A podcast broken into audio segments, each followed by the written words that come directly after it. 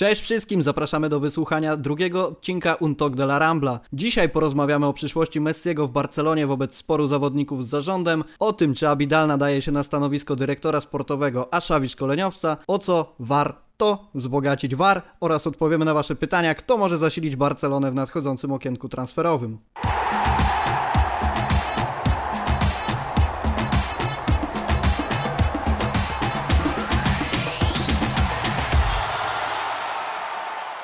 Przez burzliwe wody futbolowych informacji przepłyniemy w trzyosobowej załodze. Na pokładzie statku są Magdalena Rudnicka, którą możecie kojarzyć jako Eoren. Cześć! W redakcji jest od 2012 roku, a w swoim CV ma wiele doskonałych artykułów, w tym świetnie prowadzony cykl Barcelona w Sepi. Obecnie zajmuje się także rozdawaniem żółtych i czerwonych kartek na La Rambli. Jest także Maciej Machaj, czyli Makaj, który od 2008 roku podgrzewa atmosferę przed meczami dzięki licznym zapowiedziom, a także redaguje podsumowania, którymi przypomina nam zarówno piękne chwile, ale też sromotne porażki. Serwus. A ja nazywam się Rafał Kowalczyk i pomimo zaledwie czteromiesięcznej obecności w redakcji już mam przyjemność prowadzić podcast, a także dzielić się z wami swoimi analizami w formie felietonów publikowanych na łamach strony. Przed przejściem do głównych tematów przedstawimy szybkie szoty, czyli garść informacji z piłkarskiego świata, które nie znalazły swojego miejsca w naszym podcaście, ale nie sposób o nich nie wspomnieć. Messi jest jedynym zawodnikiem z pięciu najmocniejszych lig europejskich, który prowadzi zarówno w klasyfikacji najlepszych strzelców, jak i asystujących. Argentyńczyk uzbierał dotychczas 14 goli i 11 asyst. Od strefy spadkowej do najlepszej trójki La Liga. Hetafe w czwartej kolejce znajdowało się na 18 miejscu, a obecnie zajmuje trzecią lokatę w ligowej tabeli. W kolejnej rundzie dojdzie do starcia z Barceloną. Derby Mediolanu dla Interu. Podopieczni Antonio Conte przegrywali do przerwy 0-2, a mimo tego zdołali odrobić straty i ostatecznie pokonać lokalnego rywala 4-2. Dzięki zdobytym trzem punktom Inter wrócił na pozycję lidera Ligi Włoskiej. Na drugim miejscu z taką samą liczbą punktów znajduje się Juventus. Mecz Manchesteru City z West Ham w ramach 26. kolejki Ligi Angielskiej został przełożony z uwagi na ekstremalnie trudne warunki pogodowe. Nowy termin rozegrania meczu to 19 lutego o godzinie 20.30. A jeżeli ciekawi Was, dlaczego angielska Premier League wypada korzystniej od La Liga pod względem zysków z praw telewizyjnych, zajrzyjcie na fcbarca.com. Znajdziecie tam świetną analizę tego tematu autorstwa Julii Cichej. Polecam także artykuł Karola Chowańskiego o Ansu Fatim. Dodatkowo zachęcam do zapoznania się z gorącymi newsami odnośnie możliwego powrotu Coutinho do Liverpoolu, krytyce sędziów przez De Jonga, a także wstępnym porozumieniu Barcelony z Realem Sociedad w sprawie Williana Jose. Linki do artykułów znajdziecie w opisie filmu. Zanim jeszcze przejdziemy do głównych tematów podcastu, przypomnę o używaniu naszego hashtagu UTDLARAMBLA. Bardzo ciekawią nas Wasze propozycje tematów, jakie możemy poruszyć w podcaście, komentarze dotyczące wydarzeń piłkarskich, czy opinie wobec wyrażanych przez nas poglądów. Zamieszczajcie hashtag w swoich postach na Larambli, Twitterze, w komentarzach na YouTubie. Dzięki niemu z pewnością Was znajdziemy i wspólnie podyskutujemy o piłce. A teraz przejdźmy już do głównych tematów naszego podcastu i nie sposób nie omówić tego, co stało się ostatnio w zarządzie Barcelony, a także konflikcie między zarządem, a dokładnie pomiędzy Messim oraz Abidalem. Przypomnijmy krótko, że Abidal w swojej wypowiedzi skrytykował zawodników, powiedział, że trener został zwolniony, ponieważ problemem nie były rezultaty, ale sprawy wewnętrzne drużyny. Wspomniał o tym, że wielu zawodników nie było zadowolonych i nie pracowało na treningach zbyt intensywnie, a także były problemy z komunikacją wewnątrz drużyny. W odpowiedzi na słowa Abidala Messi wspomniał, że to nie jest rola zarządu, żeby wypowiadać się a propos takich kwestii, kiedy mówi się o zawodnikach, należy podawać konkretne nazwiska, bo w innym przypadku niszczy się wizerunek wszystkich, a także podsyca nieprawdziwe rzeczy, o których się mówi. Jestem bardzo ciekawy, jak moi towarzysze w dzisiejszym podcaście odniosą się do zarówno słów Messiego, ale także Abidala. Powiem tak, zacząłeś też od tego, że mamy do czynienia z konfliktem. Ja po pierwsze byłabym na razie daleka od używania tego słowa w tym momencie. Jeżeli chodzi o to, kto moim zdaniem jest tutaj bardziej winien. Myślę, że zdecydowanie wywiad Abidala i jego wypowiedzi, które w 100% rozumiem ich pobudki, ponieważ były po prostu obronne, jeżeli chodzi o pewną atmosferę, która wywiązała się w związku z tym, że nie przeprowadzono żadnych transferów, które wzmacniałyby drużynę w tym momencie, że odeszło wielu młodych zawodników na wypożyczenia. W związku z tym też Abidal czuł się z pewnością zobowiązany, żeby z pewnych rzeczy po prostu zwyczajnie wytłumaczyć się przed kibicami, ale myślę, że przede wszystkim widać, że Erikowi jest po prostu brak takiego czucia osoby na stanowisku które jednak znajduje się w zarządzie, a nie osoby, która gdzieś tam jest na boisku, w szatni, przy drużynie. Że te wypowiedzi, które padły, jednak nie powinny być tym, co pada publicznie, gdzie jest się do pewnego stopnia też rzecznikiem zarządu, gdzie przekazuje się informacje ludziom, które często jedne powinny wyjść, a inne nie powinny wyjść. I wyszło właśnie to, co poza szatnie i poza zarząd nie powinno wychodzić, czyli mówię tutaj zarówno o wypowiedzi na temat Czawiego i tego takiego w moim odczuciu troszkę zaczepnego. Jeśli była oferta, to niech ją pokaże. Tak naprawdę jedno zdanie, które w całej tej wypowiedzi było zupełnie niepotrzebne i mogło bardzo zmienić jej wydźwięk. I tak samo jedno zdanie, które padło na temat tego, że zawodnicy byli niezadowoleni, zawodnicy nie przykładali się do treningów, nie byli zaangażowani. Oczywiście doceniam to, że Eryk wyszedł tutaj z taką postawą bycia szczerym, tak? Bo tak to postrzegam, że jednocześnie chciał siebie bronić, ale też chciał po prostu zakomunikować kibicom i wszystkim, którzy interesują się życiem klubu, jak ta sytuacja rzeczywiście wyglądała i dostrzegam tutaj z jego strony szczerość, ale z drugiej strony uważam, że po prostu nie jest to warte, żebyśmy my, kibice i środowisko byli poinformowani o pewnych rzeczach, jeżeli to może negatywnie wpłynąć na drużynę i na zawodników i wydaje mi się, że w tym przypadku, jak widać po reakcji Messiego, rzeczywiście tak się stało. Makaja, ty co o tym sądzisz?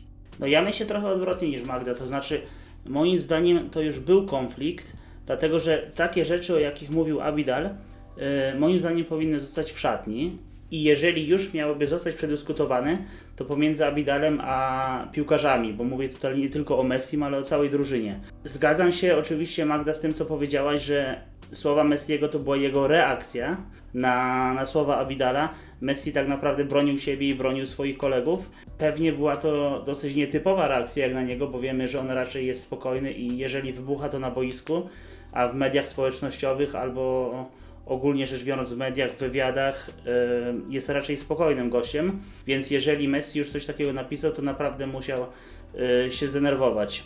Zgadzam się również z tym, Magda, co powiedziałaś, że Abidal tutaj kompletnie nie czuje tego klimatu bycia dyrektorem sportowym. On ciągle powtarza, że jako były piłkarz czuje, że coś było nie tak, że jako zawodnik, który pamięta czasy murawy i tak dalej, i tak dalej. On jest na pewno sympatyczny, jest na pewno związany z klubem, ale nie jestem do końca przekonany, że to jest odpowiednia osoba na, na odpowiednim y, stanowisku. Y, podsumowując tę całą sytuację, mam wrażenie, że możemy ją odnieść do słów Tito Villanowy, świętej pamięci, który lubił mówić y, rozsądnie, odważnie z jajami. Moim zdaniem to, to, co powiedział Abidal, nie było ani rozsądne, ani odważne, bo przecież nie wymienił zawodników, a gdyby miał jaja, to by ich wymienił, więc yy, tak naprawdę to było zupełnie niepotrzebne i tylko podsyciło yy, konflikt, który, który i tak od jakiegoś czasu narastał.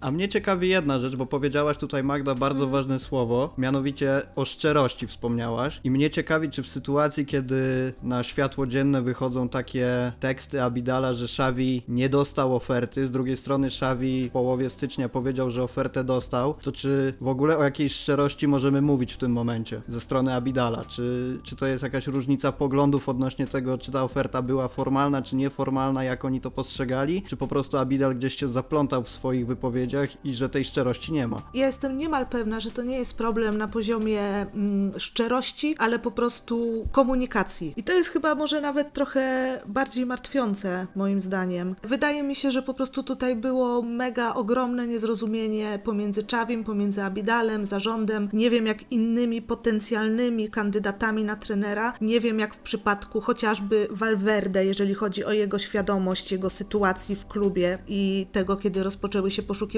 trenera, ale dla mnie to jest raczej taki sygnał, że istnieją problemy w zrozumieniu tego, co ofertą jest, co ofertą nie jest, co jest jakąś wstępną rozmową i po prostu zagajeniem tematu, że będzie jakieś zapotrzebowanie, szukamy, a co jest właśnie oficjalnym zgłoszeniem się już i przedstawieniem jakiejś oferty. I niestety, jeżeli tego typu rzeczy występują i zwłaszcza jeżeli potem dyrektor sportowy wychodzi z tym w oficjalnym wywiadzie i sygnalizuje, pokazuje, że takie rozdźwięki w rozumieniu były, to po prostu nie świadczy to dobrze moim zdaniem o profesjonalizmie zwyczajnie dyrekcji sportowej, o przygotowaniu do tego, co się po prostu wykonuje, tak? Jeżeli potencjalny trener może zupełnie inaczej pojąć sytuację niż przedstawia ją dyrektor sportowy. Bo ja szczerze mówiąc mam takie wrażenie, że jest tak duży pożar w tym momencie w zarządzie ze względu na to, co się dzieje, ze względu na nieudane transfery, też ewidentnie widocznie złe zarządzanie klubem, że Abidal w pewien sposób chciał oddelegować, czy też przerzucić odpowiedzialność tych wszystkich decyzji, które są poniekąd złe, na stronę piłkarzy, z czym nie zgodził się Messi.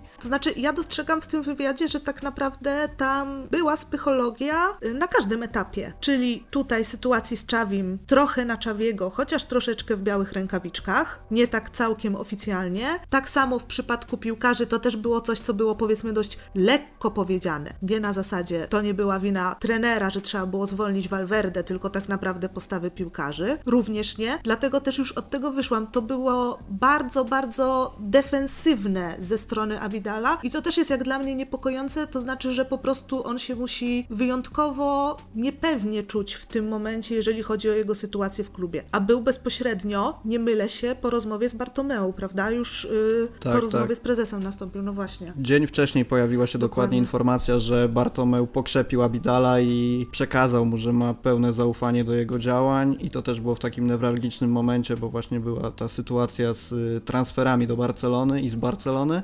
No ale tym samym, ale tym samym e, wywiad Abidala, a później e, poklepanie go po plecach przez Bartomeu i mówienie o pełnym zaufaniu pokazują, że tak naprawdę Abidal z zarządem i Xavi nie grają do tej samej bramki, no bo jeżeli Abidal tutaj prowadzi psychologię, tak jak Magda powiedziała, e, czy to na piłkarzy, czy to na Xaviego i tak naprawdę próbuje rozmywać pewne tematy, Bartomeu mówi: OK, masz moje pełne wsparcie w tym temacie. To pokazuje tylko i wyłącznie, że nie ma jedności.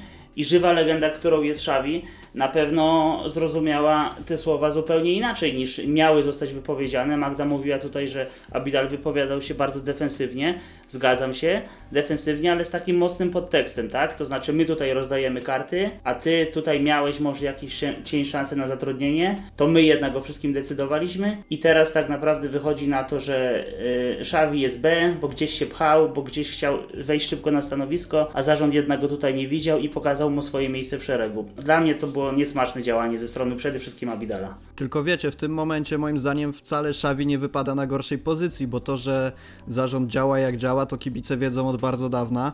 Podejrzenie jakiegokolwiek kłamstwa spada teraz w pełni na zarząd i moim zdaniem wszyscy kibice, no wszyscy, wiadomo nie używajmy słowa wszyscy, ale znaczna większość kibiców będzie trzymała stronę Szawiego, który tak jak mówicie jest legendą i on tak naprawdę nie ma żadnych powodów, żeby kłamać w tym momencie. I to jest dla mnie takie bardzo istotne w tej całej sprawie, że Abidal jednym wywiadem tak naprawdę w bardzo dużym stopniu osłabił swoją pozycję w, w szeregach Barcelony w zarządzie. Tak, bez dwóch zdań. To znaczy, zarząd chciał zepchnąć całą winę na Szawiego na czele z Abidalem. Oni mówili, słuchaj Szawi, kłamałeś, ty jesteś B, ale tak naprawdę całe grono kibicowskie dobrze wie, jak odbierać taką sytuację i masz w zupełności rację, że na pewno z tej całej sytuacji y, zwycięsko wyjdzie Szawi. Tylko też pojawia się pytanie, wiecie, kiedy potencjalnie mogłoby dojść do realnego przejęcia drużyny przez Czawiego, czy co już jest praktycznie dla każdego oczywistością, tylko pojawia się pytanie, czy za rok, czy za dwa, czy za pięć. Czy jeżeli sytuacja, która w tym momencie jakoś tam się lekko zaogniła, będzie się rozwijać i tutaj nie nastąpi jakieś wyjaśnienie sobie, moim zdaniem, po prostu pomiędzy zarządem albo nawet bezpośrednio pomiędzy Abidalem a Czawim, przecież są byłymi kolegami z boiska, czy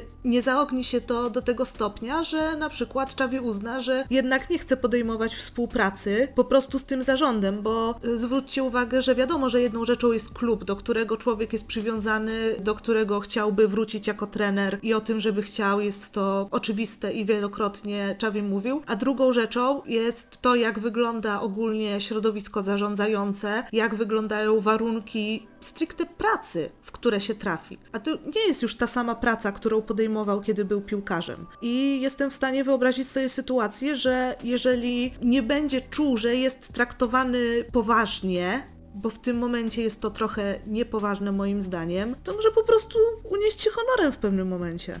To znaczy mi się wydaje, że to już jest, to co mówisz już jest widoczne, ponieważ te wszystkie legendy Barcelony, Xavi, Puyol czy też Iniesta wcale nie chcą tak chętnie powracać do Barcelony. I okej, okay, mówi się o tym, że oni jeszcze nie są gotowi, że jeszcze to nie jest ich stanowisko, jakie powinni zająć, że jeszcze musi minąć trochę czasu, zanim wrócą w innej roli niż piłkarz. Natomiast ja myślę, że to wszystko jest nieco podsycane tym, jaka jest atmosfera w klubie i tym, że zarząd działa bardzo po omacku. I niejako też oni mogą się obawiać, że kiedy przyjdą do, do Barcelony i zostaną ją w takim stanie, w jakim jest teraz, niejako podupadnie trochę ich pomnik, który budowali przez tyle lat. I Xavi mógłby teraz wrócić do klubu i objąć stery jako trener, tylko jeżeli zarząd nie zapewni mu odpowiedniego fundamentu pod te wszystkie działania, które on chce wdrożyć, to na dobrą sprawę po co on ma wracać? Stąd moim zdaniem wzięło się to, że odmówił, że wróci do Barcelony jako trener, bo tak jak mówisz, to jest w 100% pewne, tylko że to będzie kiedy zarząd, albo przynajmniej znaczna część zarządu zostanie wymieniona. A myślicie, że problemem też może być to, że w Barcelonie w szatni w dalszym ciągu jest kilku piłkarzy, którzy pamiętają Szawiego jako kolegę z boiska? No, wiadomo, Piqué, tak, bardzo silna osobowość, yy, Busquets, no Messi, bez dwóch zdań i to mogło być dla niego problemem?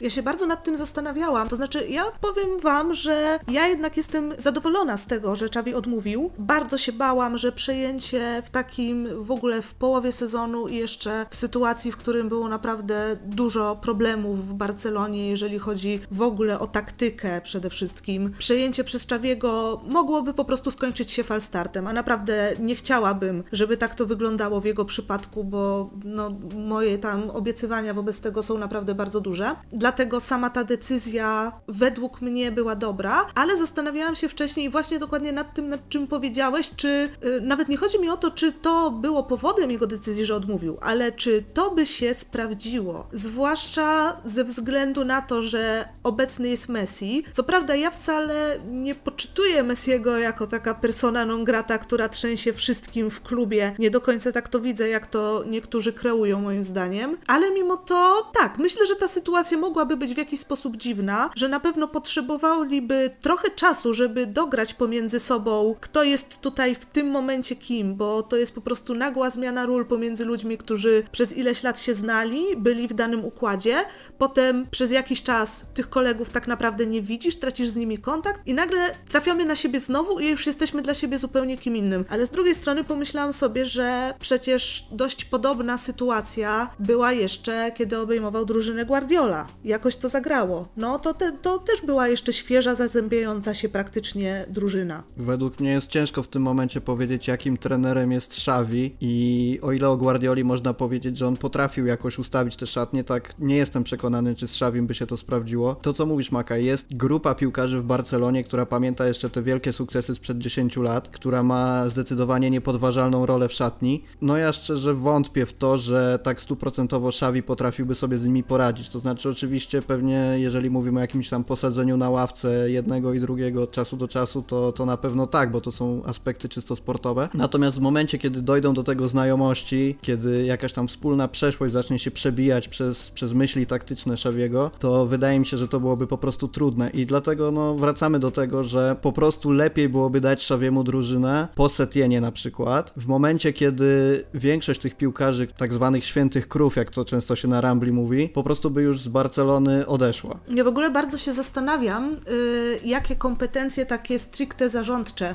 ma Czawi. Trudno mi jest to określić, to wiadomo, że to się na żywym organizmie przekonamy, jeżeli obejmie jakąś drużynę, no po prostu z lig europejskich, ale tak jak sobie to wspominam, to mam wrażenie, że teraz troszeczkę tak w naszej pamięci, w mentalności kibiców, Xavi łączy się nam gdzieś tam z takimi postaciami i legendami, jak na przykład Pujol. I dość często mi się zdarzało też w wypowiedziach różnych użytkowników też naszej strony czytać, że to jest tak jakoś spojone, to są legendy, które potrafiły być takimi osobami, które gdzieś tam porwą do dalszej walki, ale z tego jak ja pamiętam tą sytuację, to w momencie, kiedy Xavi został kapitanem, to on wcale również na boisku nie był taką postacią, która która była w stanie gdzieś tam pociągnąć drużynę i może teraz będzie to jakieś kontrowersyjne dla wielu osób, ale wcale pod tym względem nie był taki mega charyzmatyczny. Też tak sądzę. Tak, tak, tak, pełna zgoda. Tutaj nie można nawet porównać Szawiego z Pujolem. Pujol był naprawdę kapitanem przez wielkie K, natomiast Xavi, no z racji pewnie stażu i charyzmy, y, ale tej takiej boiskowej charyzmy, bo jeżeli chodzi o właśnie jego cechy przywódcze, to uważam, że tutaj do Pujola akurat nie ma startu. No bo wiecie, to jest tak, że z jednej strony trener oczywiście musi mieć tę myśl taktyczną i pomysł na zarządzanie drużyną od strony gry, składu i tak dalej, ale z drugiej strony, jeżeli nie będzie mieć charakteru i w ogóle wcale nie mam teraz przed oczami obrazu Valverde, jeżeli nie ma odpowiedniego charakteru, to zwyczajnie drużyna za nim nie pójdzie. I no tego też się myślę można obawiać i dlatego wydaje mi się, że po prostu autorytet, jaki sobie zbudował w Barcelonie jeszcze za czasów bycia zawodnikiem, może znacznie lepiej wpłynąć na młodych i nowych piłkarzy niż na tych, których Barcelona ma obecnie. Autorytet taki merytoryczny bardzo wiele znaczy, moim zdaniem, zwłaszcza właśnie w sytuacji, gdzie nam się to nie zazębi, tak, że piłkarze nie będą patrzeć na Czawiego z perspektywy kolega kiedykolwiek, tylko już piłkarz legenda. Ale też to jest coś, nad czym ja się zastanawiam, jeżeli chodzi o tą jego możliwość zbudowania drużyny pod takim względem mentalnym, pociągnięcia jej. Bardziej zastanawiam niż boję, tak bym powiedziała, bo jedną rzeczą jest to, to jest truizm totalny, że ludzie się zmieniają z wiekiem, ale też jest tak, moim zdaniem, że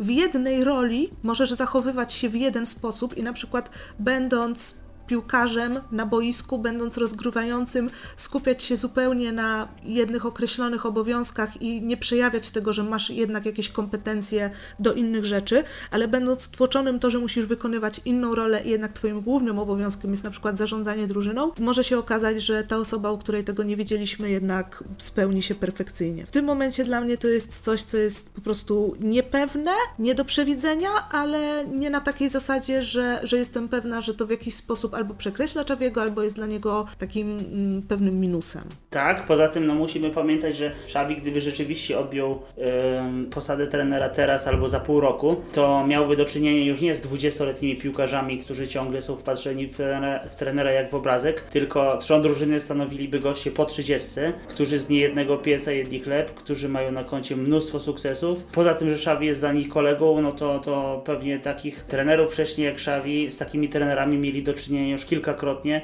i, i tutaj bardzo trudno byłoby mu zbudować ten autorytet na linii trener-zawodnicy. A powiedzcie mi, bo często teraz w obliczu tego konfliktu, sporu, dyskusji czy kłótni, jak zwał, tak zwał, między drużyną a zarządem, pojawiły się głosy, że drużynę może opuścić Messi. I jestem bardzo ciekawy, jak wy się do tego ustosunkujecie, bo tutaj pod hashtagiem UT de la Rambla napisał do nas użytkownik Iron Sun Hybrid na Twitterze i pyta, czy czy Messi jest problemem czy zbawieniem? Czy istnieje uzależnienie drużyny od Messiego? Zauważa, że większość użytkowników jest podzielona na dwa obozy. Jeden sądzi, że Messi jest oczywiście zawodnikiem legendą, cudowny, boski i tak dalej, i tak dalej, i że powinien zostać w klubie. Natomiast jest grupa ludzi, która, która uważa, że Messi jest w Barcelonie problemem. I czy sądzicie teraz, że w obliczu tego konfliktu może dojść do tego, że Messi opuści drużynę? Nie, dla mnie to są, to są bójdy na resorach i to są pierwszorzędne bajki. Uważam, że Messi zakończy karierę w Barcelonie i jest na pewno jest bohaterem motorniczym i strzelcem, asystentem, kreatorem. Oczywiście ci, którzy mówią, że Barcelona jest uzależniona od Messiego, mają w mojej opinii 100% racji. Często, nie ukrywam, że często wyobrażam sobie takie sytuacje, że za 3, 4, 5 lat Messi skończy karierę i jeżeli Barcelona rzeczywiście nie znajdzie nie można mówić że następcy Messiego, bo myślę, że taki się nie pojawi w przeciągu następnych 50 lat, ale nie znajdzie kogoś, kto mógłby wziąć grę na swoje barki, to Barcelona będzie właśnie takim zespołem jak Hetafe teraz, tak? Będzie w pierwszej, no akurat teraz jest Hetafe w pierwszej trójce, to może akurat źle to powiedziałem, ale natomiast będzie to drużyna, no pewnie pierwszej dziesiątki, pierwszej piątki, ale niekoniecznie drużyna, która w każdym roku będzie walczyć o najwyższe cele, ponieważ ta Messi dependencja jest teraz tak duża, że bardzo trudno będzie ją w jednej chwili, wiecie, zakończyć, przeciąć pępowinę i powiedzieć, zaczynamy nowy rozdział. No chyba, że rzeczywiście Messi jeszcze pogra parę lat i, i przyjdzie do drużyny jakiś zawodnik, który w naturalny sposób będzie ściągał z niego tę odpowiedzialność, ściągał z jego barków ciężar gry, aż w końcu Messi odejdzie, a ten ktoś o ile to będzie jeden piłkarz, bo być może to będzie dwóch, trzech graczy, którzy podzielą się obowiązkami. Jeden będzie strzelał, drugi asystował, trzeci kreował. Wtedy to będzie bardziej naturalne i na pewno bezbolesne dla drużyny. Także reasumując, ja uważam, że Messi zakończy karierę w Barcelonie. Nie jest problemem, a jest zbawieniem dla tej drużyny, która z kolei jest od niego bardzo uzależniona i, i na pewno będzie cierpieć po jego odejściu. To ja się troszkę nie zgodzę, bo wielokrotnie Messi powtórzył, że karierę chce zakończyć w Rosario. Żartuję sobie tak, bo jak najbardziej w 100% się zgadzam, że jeżeli chodzi o tą karierę profesjonalną, to Messi z pewnością z Barcelony nie odejdzie i z pewnością nie odejdzie też ze względu na to, że w tym momencie mógł się w jakiś sposób poczuć niekomfortowo. Myślę, że mógł się też dość niekomfortowo poczuć chociażby z wypowiedzią na temat kontraktu, która była taką troszeczkę szpilą y, wbitą w to, że kontrakty są tak często przedłużane i tak krótko podpisywane przez Messiego, gdzie oczywiście odnosiło się do tego, to do tego w jakiś sposób, że Messi oczekuje po prostu coraz więcej i więcej pieniędzy, a nie raczy podpisać z nami długoletniego kontraktu, mimo że mówi, że tak kocha klub. No, ja tą wypowiedź Abidala jednak w jakiś sposób tak odczułam, albo jestem w stanie wyobrazić sobie, że Messi mógł ją tak odczuć. I też wiele głosów kibicowskich, które możemy usłyszeć, dokładnie takich jest, że oprócz, tak jak tutaj słusznie w tym komentarzu zostało przytoczone, osób, które będą wychwalać Leo, choćby nie wiem co zrobił, zawsze będzie tym, który jest najlepszy, najświętszy, najwspanialszy. E, tak też jest, ta opinia jest dość mocno spolaryzowana i sporo jest osób, które jednocześnie każde potknięcie i każdą rzecz chcą w stanie wyciągnąć jako tą, która jest po prostu zła, bo u takiej osoby jak on nie mogą się znaleźć złe cechy. Jeżeli chodzi o to, czy ta sytuacja i te wypowiedzi mogą wpłynąć y, na odejście Messiego, no to w żadnym razie. Tutaj w 100% się Maciek z Tobą zgadzam, że, że coś takiego to są po prostu plotki, które zawsze będą się pojawiać. No ale jeżeli chodzi o to uzależnienie drużyny od Messiego, powiem Wam tak, panowie, że tak naprawdę Odkąd Messi jest i przejął pewną rolę w drużynie, czyli już od samego początku pracy Guardioli, to określenie Messi dependencja to ono żyje już od tego czasu. Ono było, było, było i było. I mam wrażenie, że był czas, kiedy było bardziej prawdziwe tak jak teraz, bo teraz uważam, że zdecydowanie jest bardziej prawdziwe. Był taki, kiedy było trochę sloganem, bo też y, mecze, w których y, Leo nie grał, pokazywały, że mimo wszystko drużyna potrafiła sobie poradzić bardzo dobrze, czasem przez nawet dłuższy okres jego kontuzji. Ale jeżeli chodzi o to, o kwestię tego, jak sytuacja mogłaby wyglądać, kiedy Leo już tą karierę zakończy, to wydaje mi się, że jedynym rozwiązaniem dla Barcelony. Jest ta druga wersja, o której ty mówiłeś, Maciek, czyli nie wyobrażam sobie sytuacji, że żeby klub utrzymał się na poziomie europejskiego topu, to mógłby być jeden piłkarz, który przejmie wszystkie obowiązki, wszystkie role, które Messi w tym momencie pełni, bo to jest człowiek, który jest taką orkiestrą w tej drużynie i łata tak wiele dziur, które często wychodzą gdzieś dynamicznie w trakcie meczu, że nie widzę i trudno mi jest uwierzyć, żeby gdzieś tam w najbliższym czasie wypłynął nam piłkarz w przeciągu chociażby, nie wiem, nawet 5-10 lat, który będzie miał zbliżone umiejętności, żeby być w stanie wszystkie te dziury gdzieś tam załatać. Jestem pewna, że to musi być kilku zawodników, dwóch, pewnie trzech. Jestem też pewna, że te role powinny być przejmowane w jakiś płynny, rozłożony w czasie sposób, gdzie nie będzie nagłego odcięcia, że o, nie mamy Messiego i wtedy pojawiają się nowe osoby, one będą robić to samo co robił on. Niestety tylko jedyną rzeczą, która mnie niepokoi jest to, że nie widzę, nie dostrzegam ruchów, które mogłyby iść w kierunku tego, żeby coś takiego Barcelonie zapewnić. Masz na myśli ruchy transferowe, czy masz na myśli ruchy powiedzmy w drużynie i, i nie wiem, młodzi piłkarze, którzy wchodzą do drużyny, a tak naprawdę po kilku meczach okazuje się, że są za słabi w oczach trenera, siadają na ławkę i odchodzą, tak jak na przykład Alenia, czy tak jak na przykład Perez. No tutaj to albo Ricky Puć. Tutaj to tym bardziej, tym bardziej nie widzę tych ruchów, tym bardziej. Bardziej myślałam o ruchach transferowych, bo powiem Ci szczerze, że w sumie nie liczę tak bardzo, że ci zawodnicy, którzy przejmą w przyszłości Barcelonę, będą wyprowadzeni z kantery. Chyba już się po prostu przyzwyczaiłam do tego, że to jest tak rzadkie w ostatnich latach, że zwyczajnie po prostu na to nie liczę. Nie wiążę z tym nadziei, myślę raczej o zawodnikach sprowadzonych gdzieś z zewnątrz. Trudno jest mi ocenić, na przykład jeżeli wspominamy, ale nie podejrzewam, że jednak nie jest to piłkarz o takim potencjale, który mógłby przejąć część chociażby roli Messiego. Jeżeli chodzi o kwestię tego, że po prostu mało w ostatnim czasie jest zawodników, wręcz dramatycznie mało, którzy rzeczywiście wejdą do drużyny z kantery, dla mnie to jest jednak taka ambiwalentna kwestia, bo oczywiście bardzo dużo się tego mówiło. U nas na stronie też sporo było pisane o kwestiach, jak wygląda zarządzanie tam w szkółce, dlaczego są tego typu problemy, dlaczego też nie ma zaufania do młodych zawodników, bo to też jest kwestia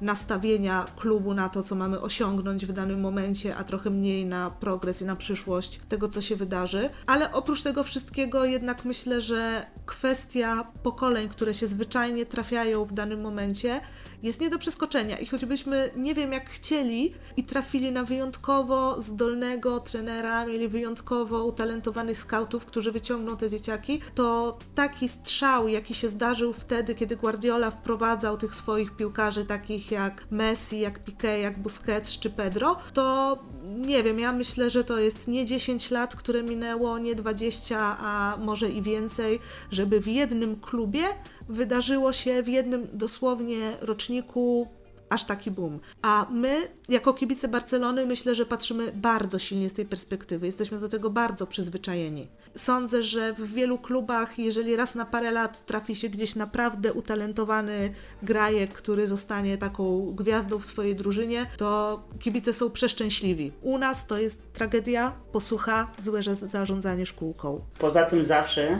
ci piłkarze, przynajmniej w najbliższych 10 latach, 15 latach, będą porównywani właśnie do tego złotego pokolenia, tak? Barcelona albo kogoś wprowadzi z drugiej drużyny, albo sprowadzi jakiś młody talent i powiedzą po roku, po dwóch, słuchaj, ty skończyłeś jak Bojan, byłeś dobry, ale nie na Barcelonę. Inni powiedzą, o, ty jesteś takim drugim Pedro, tak? Bardzo szybki, trochę jeździć bez głowy, ale się przydasz. A jeszcze inni powiedzą, e, ty to jesteś Tejo, tak? Także trochę sobie pobiegasz, ale na pewno nie w Barcelonie. Także ja myślę, że mimo wszystko dalej y, kibice będą pamiętać tych bohaterów z lat ubiegłych i będą ich porównywać. No i musi minąć te właśnie 10-15 lat, żeby, żeby nowe głowy, nowe talenty, które przyjdą do Barcelony, mogły zaczynać karierę w tym klubie z czystą kartą.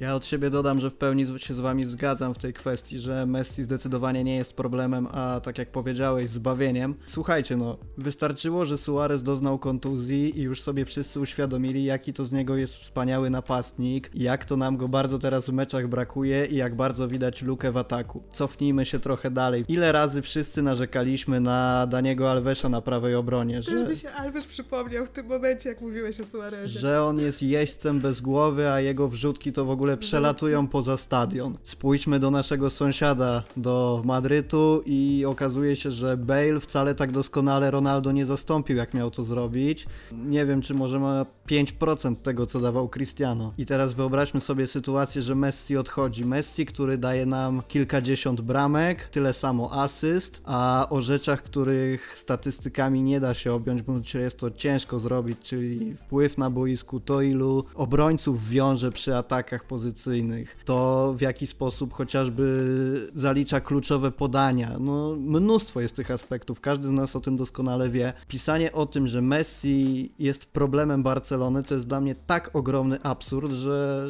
tragedia po prostu. I też jestem ciekawy, czy osoby, które piszą te komentarze, że Messi powinien odejść z klubu i zwolnić miejsce innym, to nie są po prostu osoby młodsze, które nieco nie pamiętają czasów, jakie były przed Guardiolą i żyją w tym okresie, kiedy Barcelona notuje ogromne sukcesy i po prostu nie wyobraża sobie sytuacji, kiedy Barcelona skończy na przykład ligę na trzecim, czwartym miejscu, że jest to dla nich jakiś poziom abstrakcji, w który nie wierzą i sądzą, że jeżeli Messi odejdzie, to nadal Barcelona sobie będzie zajmować to pierwsze, drugie miejsce. Jakimś cudem może w końcu wygramy Ligę Mistrzów i Puchar Króla też. Ja mam takie podejście, że, że Messi nie odejdzie z Barcelony i nie da się go zastąpić. Nazywanie go problemem to jest dramat. Ale patrz, mówisz o bardzo młodych osobach, a zdaję sobie teraz sprawę, że 10 lat minęło, odkąd Guardiola przyjął klub. Wystarczy, tak, no, że tak. jesteś kibicem Barcelony od 10 lat. Czy to jest mało? Znaczy nie mam, może nie mam na myśli tego, że młode osoby, tylko właśnie ze stażem obejmującym okres od czasów jak Guardiola przejął klub. Mhm. Nie, wiem o co ci chodzi, tylko po prostu minął już naprawdę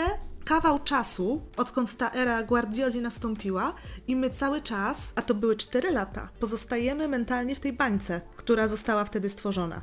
I cały czas odnosimy wszystko to, co się dzieje obecnie, to, co się działo, kiedy był Tito, kiedy był Gerardo Martino, kiedy był Valverde, cały czas odnosimy do tego, co działo się za Guardioli. W ten sposób tak naprawdę myślę, że będziemy rozczarowani zawsze, bo jak sądzicie, kiedy będzie szansa, że powtórzy się coś takiego? Powtórzyło się przez moment w jednym sezonie u Lucho, prawda? Tutaj rzeczywiście można powiedzieć o jakimś nawiązaniu, bo nawet zdarzały się głosy, która drużyna była lepsza, czy ta, którą stworzył Luis Enrique. To był trochę przebłysk jednego sezonu, ale myślę, że bardziej niż 10 lat to będzie kwestia 20, tak jak pomiędzy jednym Dream Teamem Guardioli a Dream Teamem Cruyffa. I szans na to, że w przeciągu sezonu czy dwóch wrócimy do czegoś takiego jak y, regularne zdobywanie przynajmniej dwóch trofeów, a jednym z nich jest Liga Mistrzów, jest niestety po prostu mało realne. I z bańki nie wyszliśmy. Tak, i kończąc temat Messiego, ja bym powiedział jeszcze coś, y, to znaczy tak jak ty Magda yy, zaczęłaś, czyli minął kawał czasu, a Messi wciąż strzela bramki, prawda? Bo on od sezonu 2009-2010 w każdym sezonie zdobywał co najmniej 40 bramek, ma takich sezonów 10 z rzędu, no i teraz jedzie po 11, no bo jak on na tym etapie ma już yy, 19, 20 trafień chyba, to, to, to, to myślę, że do końca sezonu, być może nawet jak nie strzeli tych 40 bramek, to 30-35 bramek będzie miał na pewno i to świadczy o tym, jak bardzo drużyna jest od niego uzależniona i jak bardzo wszyscy ci, którzy mówią, że jest problemem, mogą się pomylić, widząc świat i widząc erę piłki nożnej bez Messiego. Wiecie też, że trochę to uzależnienie drużyny przez niektórych jest poczytywane właśnie jako negatyw ze strony Leo. Że to on to wytworzył. Co no, jest wręcz trochę paradoksem, bo z jednej strony trudno się z tym nie zgodzić, tak? Pojawił się piłkarz, który jest w stanie wziąć na siebie tyle. Na dodatek moim zdaniem y, Leo ma skłonność w momencie, kiedy widzi, że jego zdaniem ktoś tutaj sobie nie poradzi, tu są jakieś braki, uznawać a dobra, walić, ja to zrobię najlepiej, weź idź sobie, ja się tym zajmę. No to jest takie, to jest wręcz śmieszne i wręcz paradoksalne, ale rzeczywiście pewne pretensje do Messiego o to, na jakim jest poziomie i że uzależnił od siebie drużynę, no w sumie trudno powiedzieć, że są nieuzasadnione, prawda? Pod tym względem. Aczkolwiek no jest to kuriozalne, tak, że mamy pretensje do zawodnika, że bierze na siebie tyle, jest w stanie wziąć na siebie tyle, że inni nie muszą. Pytanie, czy nie muszą, czy nie mogą, bo to też jest pewna różnica. No i przede wszystkim teraz, jeżeli chcielibyśmy zlikwidować to uzależnienie od Messiego, to na dobrą sprawę jest to niemożliwe, no bo co, mimo że chłopiec w formie i, i strzela i asystuje, to co posadzić go na ławce, żeby, żeby drużyna się przystosowywała do ery post-Messi, no absurd. A wspomnieliście tutaj o tym, że, że jesteśmy trochę przyzwyczajeni, porównujemy obecne, obecną Barcelonę do czasów Guardioli, kiedy wygrywaliśmy wszystko jak leci. Już wiemy, że w tym sezonie wszystkiego nie wygramy, bo odpadliśmy z Pucharu Króla. Już nie wchodząc w szczegóły tego meczu, chciałbym wam, was zapytać po prostu, jak się czujecie z tym, że, że nie zagramy dalej w, tej, w tych rozgrywkach? Wiecie co, no trudno mi oprzeć się takiemu wrażeniu, że Barcelona, mimo że jest w kryzysie, mimo że zadbała zadyszkę, jednak w końcu postanowiła powiedzieć ok, olewamy Puchar Króla, skupiamy się na Lidze Mistrzów. Y, z drugiej strony, widząc w jakiej sytuacji jest zespół, jak nie najlepiej sobie radzi ogólnie na wszystkich frontach, może dojść do takiej sytuacji, że rzeczywiście Liga, no nie można powiedzieć, że odjeżdża, tak? Bo Barcelona ciągle jest y, w czubie tabeli i, i, i, ta strata jest minimalna. Natomiast może się tak okazać, że rzeczywiście z Ligi Mistrzów znowu będą nici i ten Puchar Króla zawsze był takim języczkiem uwagi, tak? Zawsze wszyscy mówili, a to jest najmniej ważny puchar, niemniej jednak zawsze ten, kto go wygrał, świętował, fetował i cieszył się ze zdobycia, pokonując po drodze najgroźniejszych rywali. Szkoda, naprawdę szkoda, tym bardziej, że, że to był mecz do wygrania. No i myślę, że był taką kwintesencją ostatniego czasu, czyli niemoc, bezradność i indolencja w ataku zaowocowała tym, że niestety Barca jest za burtą. A myślicie, że tak by to wyglądało zarówno w przypadku Barcelony, jak i Realu, gdyby to były dwumecze, tak jak wcześniej? No ja myślę, że nie. Nie, nie, oczywiście, że nie. Mi się wydaje, że gdyby zostawić starą formę rozgrywek, powtórzyłaby się historia z poprzednich sezonów, kiedy Barca i Real doszłyby, jeżeli nie do finału, to na pewno, do, no myślę, że półfinały to, by, to było 100%. Bo wiadomo, w pierwszym meczu można te 0-1, 0-2 przegrać, ale w tym momencie w rewanżu drużyna znacznie się mobilizuje. No można mówić o tym, że jest to najmniej ważny tytuł, natomiast jest to tytuł, który zawodnicy na pewno gdzieś tam chcą wygrać i wydaje mi się, że przy starej formu formule rozgrywek mielibyśmy ten półfinał.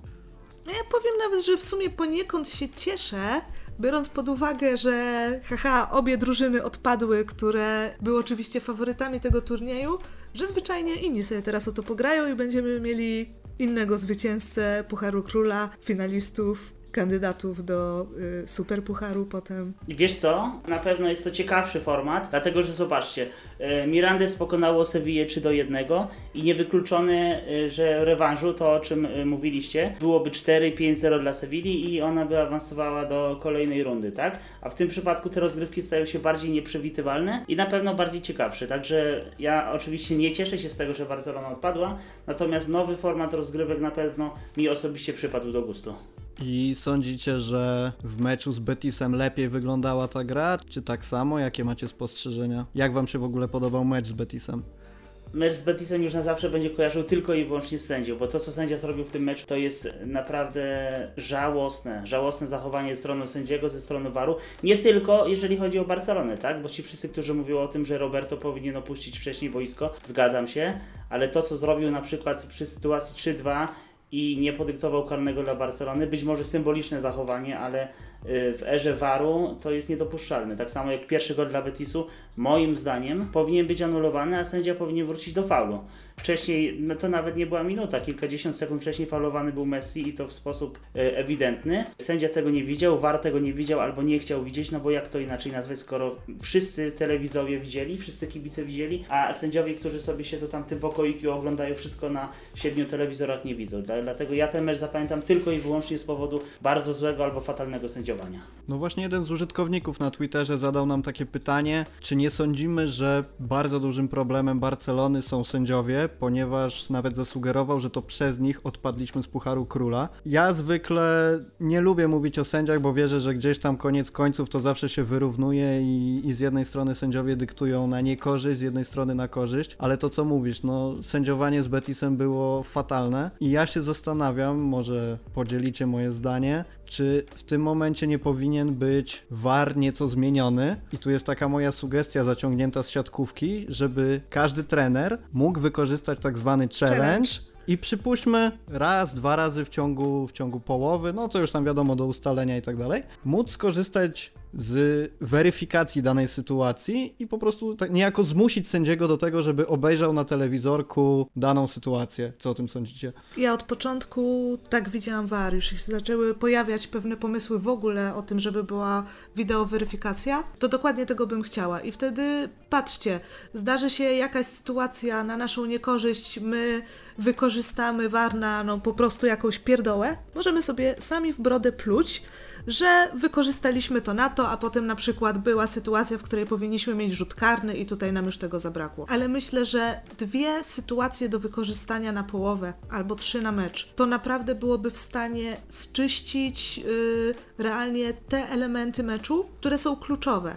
I że to drużyna, która poniekąd no, zostaje gdzieś tam skrzywdzona decyzją sędziowską, niedopatrzeniem, jak zwał, tak zwał, zależy, ale pomyłką, która nastąpiła, najlepiej jest w stanie zweryfikować, czy dla nich to ma taką wagę, że powinniśmy tutaj zastosować y, weryfikację, czy nie. W tym momencie troszeczkę sytuacja tego, że mamy grupę sędziów, y, z jednej strony na warze mamy tych samych, którzy są na boisku, to się tylko wymienia. Jeżeli dochodzimy do kwestii jakiegoś problemu w kompetencjach tych osób, to co może nam się poprawić tej sytuacji? Dokładnie, bo jednak koniec końców i tak decyduje człowiek, i tak decyduje sędzia. I w zasadzie wprowadzenie waru uważam za bardzo pomocne w wielu sytuacjach, na przykład przy spalonych. Natomiast jeżeli są takie sporne, tak jak było teraz w meczu z Betisem, kiedy Bartra tam złapał pół Messiego i dla mnie to jest karny ewidentny. Tak samo jak była sytuacja w półfinale Pucharu Króla, był faul w polu karnym na De Jongu. Wydaje mi się, że wtedy oczywistą decyzją jest to, że trener bierze taki challenge, sędzia jest zmuszony do tego, żeby to obejrzeć i teraz w ten sposób wydaje mi się, że mogłoby to zminimalizować takie decyzje, kiedy właśnie sędzia nie chce podejść do tego telewizorka i obejrzeć, kiedy, kiedy dostanie złą informację z wozu VAR. No, mi się wydaje, że w takiej formie, w jakiej VAR jest teraz,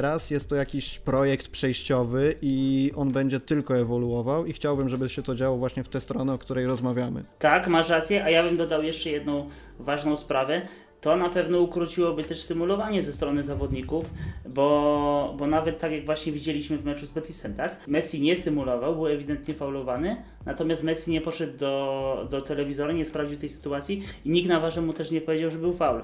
Ale w sytuacji, kiedy trener zdecydowałby się na taki challenge, to taki delikwent sam by pobiegł do niego i powiedział, trenerze, nie wiesz, ja, symulowałem, nie? Albo z drugiej strony powiedziałbym mu, słuchaj, stuprocentowy faul, złapał mnie w pół, yy, podłożył mi nogę, sfaulował mnie, była ręka, nie wiem. No i wtedy nie mielibyśmy sytuacji zero-jedynkową. Myślę, że najwyższa pora przejść do komentarzy, do pytań, jakie zamieścili nasi słuchacze na zarówno Twitterze, jak i na Rambli. Tutaj Iron Sun Hybrid zasypał nas po prostu pytaniami, więc niestety na wszystkie nie będziemy w stanie odpowiedzieć, ale wybraliśmy takie, myślę, najbardziej ciekawe, które mogą zainteresować. I pierwsze pytanie brzmi, jak w milionerach trochę.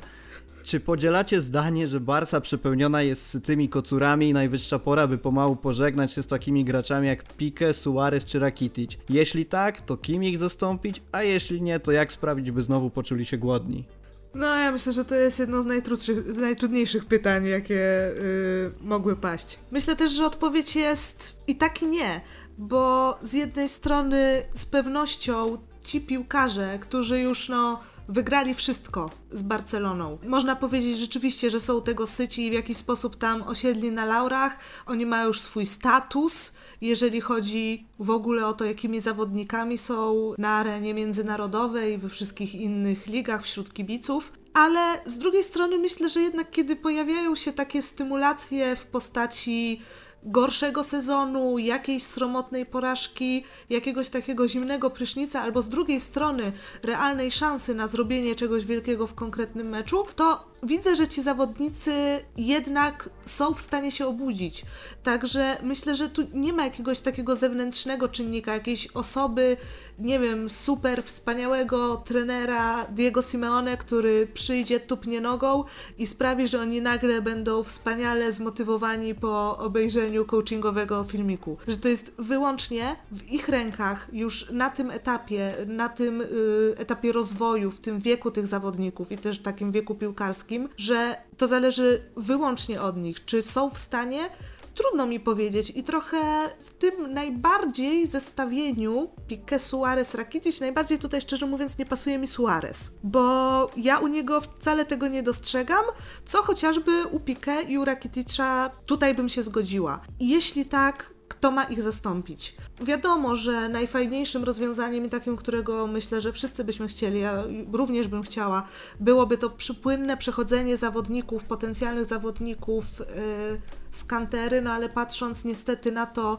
co wydarzyło się w tym okienku transferowym, czyli że raczej powinniśmy być nastawieni na to, że obecnie klub skłania się ku temu, żeby gdzieś tam przeczekiwać i oddawać na wypożyczenia, to mało możemy liczyć na to, że nagle jakiś młody zawodnik od nas ze szkółki zaliczy wejście smoka. No ja akurat tutaj bardziej skłaniam się ku odpowiedzi, że stare kostury powoli powinny opuszczać pokład. Pytanie tylko, czy do starych kosturów zaliczymy także Messiego, prawda? Przecież on jest z tego samego rocznika co Piqué. No właśnie, no właśnie, bo skoro mówimy o Piqué, mówimy o, o Suarezie czy o Rakiticiu, to o Messi też musimy co, coś powiedzieć. Ale rzeczywiście skupiając się na tej trójce, czyli Rakitic, Piqué, Suarez, są to oczywiście zawodnicy, którzy oddali klubowi bardzo dużo, którzy mieli e, swój udział w wielu sukcesach, w wielu trofeach, ale zmiana pokoleniowa według mnie jest potrzebna. Natomiast odpowiadając na drugie pytanie, kto ma ich zastąpić, tak? Trudno tutaj, trudno tutaj na szybko wymienić jakichś piłkarzy, którzy będą się nadawać. Tym bardziej, że piłkarska karuzela pokazuje, że te najbardziej znane i doświadczone nazwiska niekoniecznie muszą okazać się najlepsze, prawda? Czyli tutaj Griezmann no, na razie pewnie nie spełnia pokładanych w nich nadziei. O Dembele to może nie będę mówił niczego. Natomiast takim moim cichym faworytem do zastąpienia Rakitycia był Eriksen i bardzo żałuję, że przyszedł do Interu, bo uważam, że był do wyciągnięcia za naprawdę dobre pieniądze w sytuacji, gdzie kończył mu się kontrakt i bardzo chciałem go zobaczyć na Camp Nou, no ale niestety pozamiatane. To znaczy ja sądzę, że wszelkie decyzje kadrowe powinny być dyktowane formą sportową i no tak jak mówisz Magda, ciężko zobaczyć u Suareza brak motywacji, kiedy no może jasne, nie strzela czasem bramek, czasami gdzieś tam wykopie piłkę za stadion przy próbie strzału sam na sam. Natomiast tak jak jest w przypadku Rakiticia, dla mnie ten zawodnik jest już spalony w Barcelonie i uważam, że tak, należy go pożegnać, tym bardziej, że w kolejce na jego miejsce jest już kilku bardzo interesujących zawodników, którzy dają dużo więcej drużynie i no też było to widać w ostatnich meczach, no nie oszukujmy się. Dlatego dla mnie Rakitic jest już poza Camp Nou i sądzę, że letnie okienko transferowe że będzie bohaterem tego letniego okienka transferowego i że odejdzie. Jeżeli chodzi o Suareza, to uważam, że jeżeli będzie jakiś pomysł na zastąpienie go, czyli pewnie Martinez, jeżeli uda się doprowadzić do skutku ten transfer, to można próbować marginalizować rolę Suareza w tym momencie, natomiast odstawić go tylko dlatego, żeby go odstawić jest dla mnie bez sensu. A jeżeli chodzi o Pikę, ciężko mi powiedzieć, bo na dobrą sprawę, czy jest dla niego jakieś zastępstwo teraz? Nie sądzę. Można próbować też grać dwójką francuskich stoperów, co, No zagraliśmy. co miało miejsce ostatnio i efekt wszyscy widzieliśmy. Dlatego gdzieś tam myślę, że Pique jeszcze pozostanie w drużynie. I dostaliśmy też pytanie na Rambli bodajże od użytkownika Geble, Gebel, Soraweczka, nie wiem jak przeczytać twój nick, także popraw mnie tam jak coś nie tak przeczytałem. Zadał następujące pytanie. Kto w przyszłym sezonie powinien wzmocnić lewe skrzydło i dlaczego jest to Neymar? Wiem, że Magda jest wielką zwolenniczką przyjścia Neymara na lewe skrzydło do nas, także oddaję jej głos. Ja dodam tylko, że ja byłam ogromną zwolenniczką przyjścia Neymara już do Barcelony z Brazylii, także ja się chyba nie wypowiem w tym temacie. Nie, tak naprawdę dla mnie to zdanie powinno brzmieć y, dokładnie odwrotnie, czyli kto w przyszłym sezonie powinien wzmocnić lewe skrzydło i dlaczego nie jest to Neymar. Dlaczego? Dlaczego? To znaczy, no, dla mnie jedną taką oczywistą rzeczą jest to, że uważam, że po takich akcjach, jakie nastąpiły, jeżeli chodzi o odejście Neymara, no to niestety po prostu jest spalony ponad wszystkie kwestie sportowe. A drugą jest to, i tutaj potrzebowalibyśmy chyba, żeby to wszystko uargumentować porządnie jakiejś kolejnej godziny tego podcastu, ale ja nie widzę tego potencjału w Neymarze, który wydaje mi się, że bardzo wiele osób widzi, tego słynnego ducha Ronaldinho. Po prostu nie jestem przekonana do tego piłkarza pod względem tego, że postrzegam go jako osobę bardziej efekciarską niż efektywną. I gdyby mnie się marzyło sprowadzenie kogoś z Paryża, to jest to wyłącznie Mbappe. Makaja, ty jak sądzisz? Przyjdzie Neymar, nie przyjdzie? Będzie przydatny? Czy odpuszczamy całkowicie ten pomysł? Tutaj, tutaj zgadzam się absolutnie z Magdą, to znaczy ja nie chciałbym go podobnie zobaczyć na Camp Nou. Nie ze względu na to, że jest słabym piłkarzem, wręcz przeciwnie, jest, jest świetnym graczem, natomiast y, to ile robi szumu wokół siebie, niekoniecznie wpływa pozytywnie na drużynę, dlatego nie chciałbym przeżywać drugi raz tej samej karuzeli. Ze sfery marzeń, ale to tak naprawdę chyba raczej tylko czysto teoretycznie, no to Sadio Mane, bo to jest mój faworyt, jeżeli chodzi o zawodników spoza Barcelony. Bardzo chciałbym zobaczyć tego, tego grajka na Camp Nou, dlatego że jest według mnie zawodnikiem kompletnym i dałby drużynie bardzo dużo charakteru, walki, y, szybkości, pomysłu na grę, no i przede wszystkim bramek. Y, Ale to tak jak mówię, to jest sfera marzeń. Natomiast pewnie tutaj Was zaskoczę, ale dla mnie ciekawą opcją byłby powrót na Camp Nou Sancheza, Alexisa Sancheza. Uważam, że jego etap w Interze też już chyba dobiega końca, zupełnie się tam nie sprawdził, przez różne względy, prawda? Kontuzje, kłopoty z aklimatyzacją, mimo to, że był przecież kiedyś zawodnikiem Serie A. Natomiast tutaj y, pewnie problemem dla wielu będzie jego wiek, no bo on też już jest po 30 po pierwsze, po drugie jego bardzo wysoka pensja. On, Manchester pewnie szuka dla niego klubu tylko i wyłącznie dlatego, że nie sprawdził się do końca jako piłkarz. To po pierwsze, a po drugie dlatego, że zarabia bardzo, bardzo duże pieniądze i Manchesteru po prostu nie stać, albo inaczej stać, bo jest przecież bogatym klubem, ale szkoda im wydawać kupę kasy dla zawodnika, który nie spełnia pokładanych w nich nadziei. No moim zdaniem zdecydowanie nie jesteśmy na takim etapie, gdzie powinniśmy potrzebować wzmocnień napastników, w ogóle ofensywnych zawodników, którzy już są gdzieś w piłkarsko zaawansowanym wieku. Tak, tak, dlatego powiedziałem, że on byłby ciekawą opcją, ale właśnie na jego niekorzyść działa wiek, prawda? Y, Natomiast na drugim biegunie jest moim zdaniem Leroy Sané, bo to jest piłkarz y, wciąż bardzo młody, głodny gry i głodny sukcesów. Y, Natomiast też wróble ćwierkają, że jest już posłowie z Bayernem Monachium, także bardzo ciekawe jak się rozwinie jego sytuacja. A tak w ogóle to wierzysz w możliwość pozytywnego zaaklimatyzowania się w lidze hiszpańskiej piłkarza z Premier League? Hmm, No tak, dobre pytanie, bo, bo, pewnie, bo pewnie takich przykładów było bardzo mało i moglibyśmy je po, policzyć na palcach jednej ręki, prawda? Natomiast wiecie, y, może być też tak, że w czerwcu do Barcelony wróci Coutinho i wcale nie wykluczone, że on dostanie kolejną szansę. Ja myślę jednak, że Coutinho to takim bumerangiem poleci. On przyjdzie i, I wyjdzie. od razu nie rozegra minuty i wyjdzie. Tak, myślę, że jednak postawimy na to, żeby jakąś tam kasę wyciągnąć i wątpię, wątpię. Chyba, że Setien bardzo mnie zaskoczy i jakoś tutaj spróbuje, ale wydaje mi się, że w tym ustawieniu, którym prawdopodobnie będzie chciał grać Setien, to jednak Coutinho się udusi i gdyby tak miało być, to mam nadzieję, że obaj panowie do tego wniosku dojdą szybciej. Jakoś tutaj nie będzie takiego wzajemnego męczenia się i Coutinho będzie mógł grać w takiej drużynie i w takim układzie, który po prostu pozwoli mu rzeczywiście pokazać jego umiejętności, bo on te umiejętności ma, ale w Barcelonie tak naprawdę nigdy nie dostał szansy i nie mógł dostać szansy, bo ta drużyna nie wygląda tak, żeby był w stanie pokazać to, co, co mógł pokazać w Liverpoolu. A mi się z kolei wydaje, że powrót Coutinho, tak jak mówisz, będzie związany z tym, żeby go zaraz gdzieś tam sprzedać i zarobić trochę pieniędzy na kupienie dziewiątki, która będzie miała zastąpić Suareza. I sądzę, że przy tak dużym koszcie, jaki trzeba będzie ponieść na nową dziewiątkę, zabraknie już pieniędzy na sprowadzenie jakiegoś dobrego nazwiska na lewe skrzydło. Dlatego te propozycje, które wy mówicie, to wydają mi się ok pod względem sportowym, natomiast żeby dopiąć budżet przy nich, no trochę trudno mi w to uwierzyć, że przyjdą dwa duże nazwiska, Chyba, że Barcelona naprawdę, zarząd Barcelony się postara i zgarnie jakieś naprawdę grube pieniądze na sprzedawaniu, w co szczerze mówiąc wątpię. A pojawiło się ostatnio jeszcze w mediach takie nazwisko, to też mi się przypomniało, jak powiedzieliście o aklimatyzacji zawodnika z Ligi Angielskiej, mianowicie taki znany kulturysta Adama Traore. Co, co, co o nim sądzicie? Wiesz co, to byłaby naprawdę bardzo dobra opcja.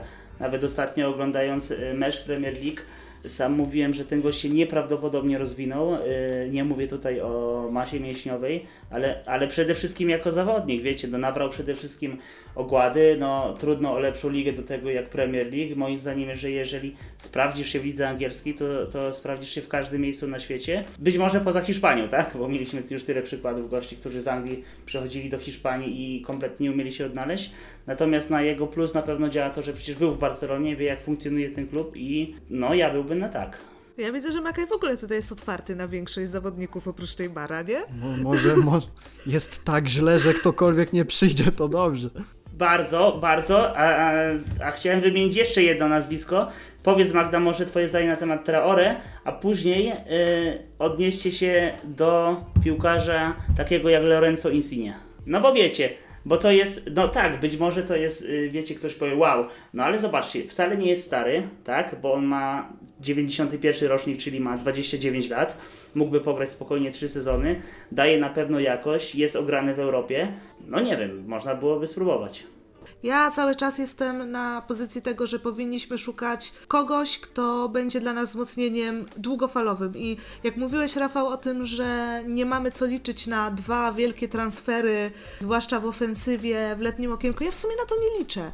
Ja nawet wolałabym, y, żeby w końcu włączyła się taka mentalność, że okej, tu mamy największe zapotrzebowanie w tym sezonie, sprowadźmy człowieka, który zostanie u nas 5, 6, 7, 8 lat i będzie dla nas tak naprawdę podstawową dziewiątką, skupmy się na tym, a w kolejnym sezonie sprowadzimy na przykład lewoskrzydłowego, że po prostu siąść do tego z jakimś planem, który nie zakłada tylko tego, że jest przyszły sezon i o Boże, o Boże, o Boże, mamy pożar, musimy wygrać triplet. Bo teraz myślę, że jesteśmy jednak ofiarą tego, że na każdy sezon narzucone są ogromne oczekiwania, my je musimy spełnić i w związku z tym y, ta kadra, jeżeli następują jakieś zmiany i jakieś transfery, jest robiona ad hoc, żeby kupić gwiazdę, która jest na już, nieważny wiek, czasem i nieważna cena, bo myślę, że jednak dość często przepłacamy, zwłaszcza, że od Barcelony chętnie inne kluby wyciągną pieniądze, wiedząc, jeżeli jest zainteresowana, bo my to zapłacimy jeżeli będzie trzeba. Dlatego ja w tym momencie nie mam nawet jakiegoś takiego nazwiska gdzieś w myślach, ale chciałabym, żeby to był naprawdę porządny research i porządny scouting i żeby zawodnik, który do nas trafi, był w wieku 20-24 max. To jeszcze się łapie. No, no to mamy. Poprzeczkę umiesz trafiać, wszyscy widzieli. No jeżeli chodzi o to w Barcelonie, żeby czasem trafić od święta w poprzeczkę, to To już lepiej niż często Suarez. tak, to mail do Barcelony jest na Wikipedii, także może CV podeślę. No co do Insigne, kurczę, ciężkie pytanie, bo w ogóle mam wrażenie, że jego nazwisko nie przewijało się w mediach i ja też w ogóle o nim nie myślałem, szczerze mówiąc. Dlatego ja nie jestem do końca przekonany, że on by chciał odejść, to po pierwsze. A po drugie, no nie wiem, nie wiem, naprawdę ciężko mi się jakoś ustosunkować do tego.